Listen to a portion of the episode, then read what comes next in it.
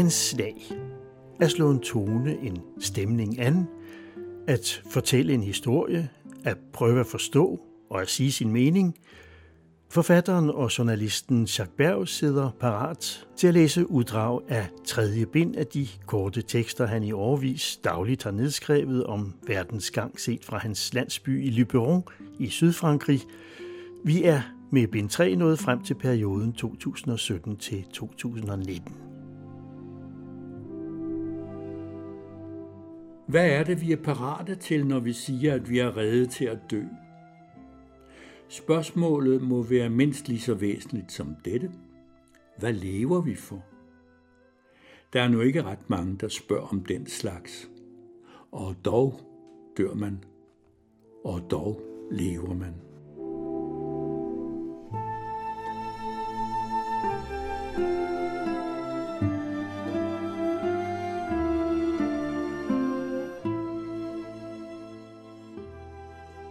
Montaigne har i sine essay ordet centre glosé, som direkte oversat er at kommentere indbyrdes.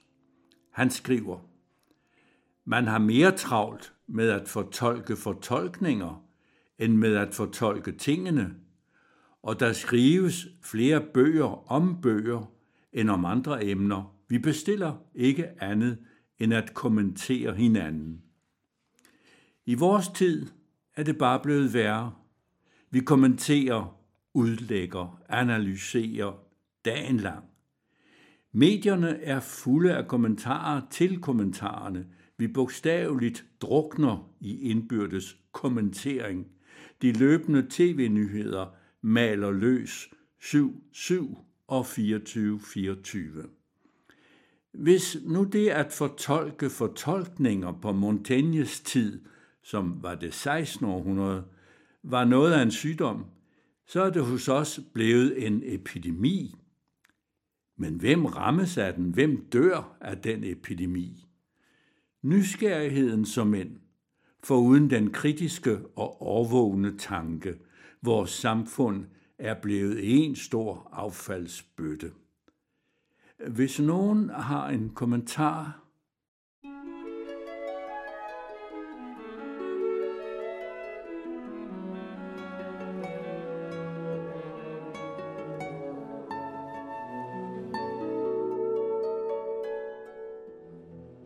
Slaveriet behandlede folk som en flok dyr med menneskehoveder, sagt af digteren Aimé Césaire. Som ting, som varer. Det er det, der for tid og evighed gør slaveri så ledt. Tusind gange fordømmeligt.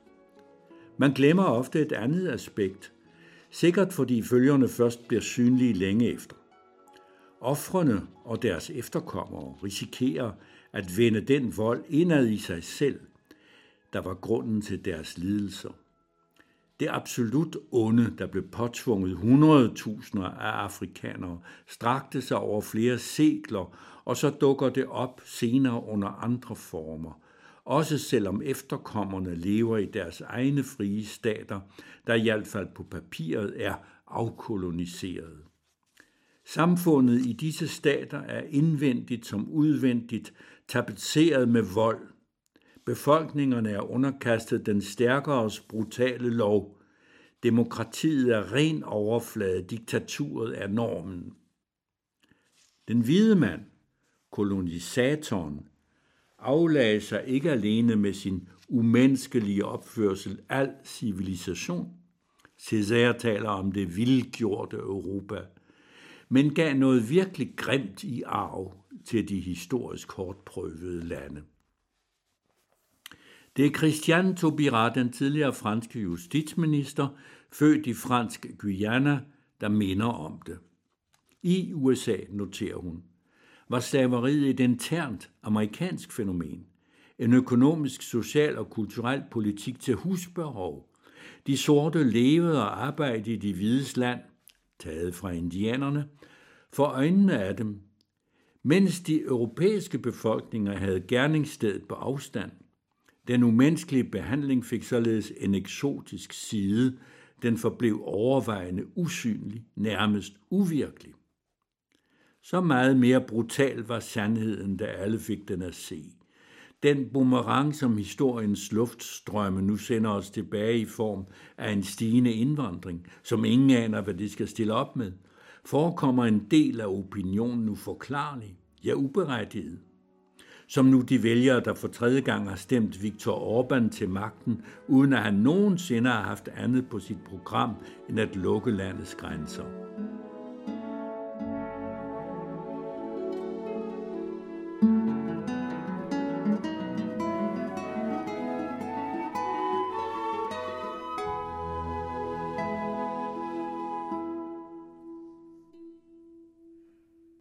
Den spanske historiker José María Juarez mener, at den egentlige inspiration bag Picassos maleri Guernica er kunstnerens urolige kærlighedsliv, og ikke nazisternes og de italienske fascisters bomber over den lille baskiske by i 1937. Historikerne har fundet et lærred af Picasso malet tre år før bombardementet. Det rummer figurative elementer, for eksempel kvinden med det døde spædbarn, den nøgne pære, hestehovedet og tyren, som kommer igen i Gernika. Det skulle bevise, at det berømte kunstværk i virkeligheden går længere tilbage end bomberne over Gernika. Diktatorernes krigsforbrydelse har således ikke været Picassos umiddelbare inspiration, skriver Juarez. Man kan også se lidt anderledes på tingene, forekommer det mig. Da Picasso hører om tragedien i Guernica, falder han over et ufærdigt maleri i et hjørne af sit atelier i Rue des Grands Augustins i Paris. I lyset af det aktuelle drama antager skitsen en ny dimension. Den kommer til at rumme den ubeskrivelige rejsel. Han beslutter så at fuldende billedet, blot i et meget større format, der svarer til tragediens omfang, og således blev Gernika til. Men er det i grunden ikke omsonst, måske endda en smule latterligt, at ville afsløre hemmeligheden bag et kunstværks tilblivelse? Siden Gernika blev vist frem for offentligheden, har det gigantiske billede på 3 gange 7 meter så at sige skabt sin egen historie.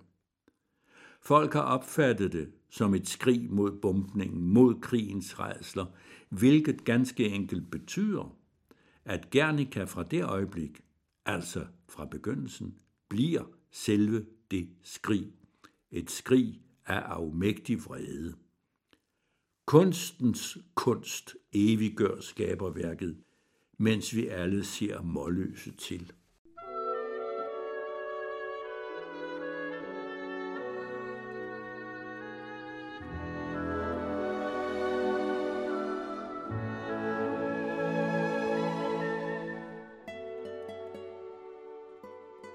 Forleden dag faldt jeg over den berømte Homo economicus. Han stod bøjet over frysedisken og tøvede mellem fire stykker laks og en pose skalddyr. Men der er han jo, sagde jeg til mig selv.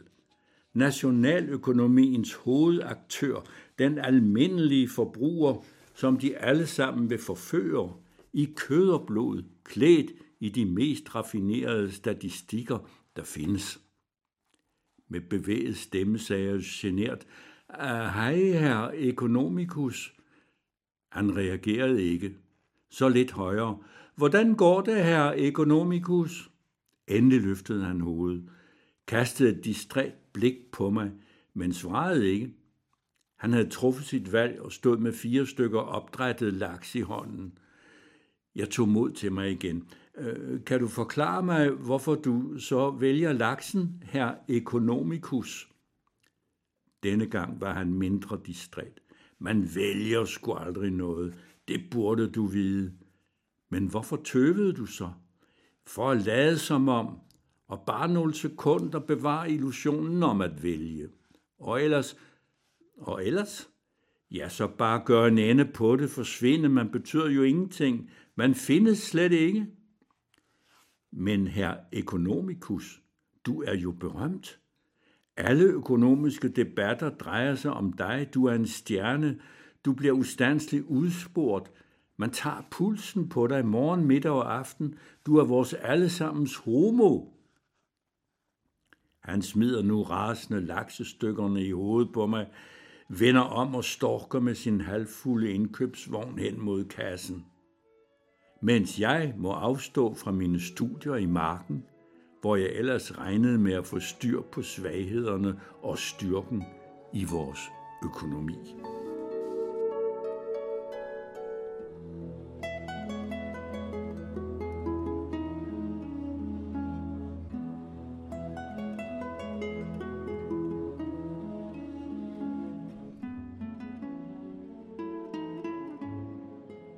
Det kommende politiske år tegner uoverskueligt for en præsident, hvis vælgere allerede ønsker sig ud af det. Under den 5. republik har funktionen det med nådesløst at kvæse sine fyrstlige tjenere. Alle præsidenter, herunder den allerførste, har prøvet det. Før eller siden drejer hjulet videre. Folket, der en tid var lullet ind i illusionen om, at alle problemerne nu ville blive løst af supermanden på Élysée-palæet, mister tålmodigheden og nægter ham det eneste, han virkelig kunne bruge, nemlig noget mere tid. Pressen spørger, om Macron der skulle være ved at blive en normal præsident. Ungdom, relativ, og lange tænder slår ikke længere til, når man har våget at love franskmændene, at man vil lave Frankrig om. Og en bogtitel gør ingen revolution. Man vil lave livet om, og det er livet, der laver en om.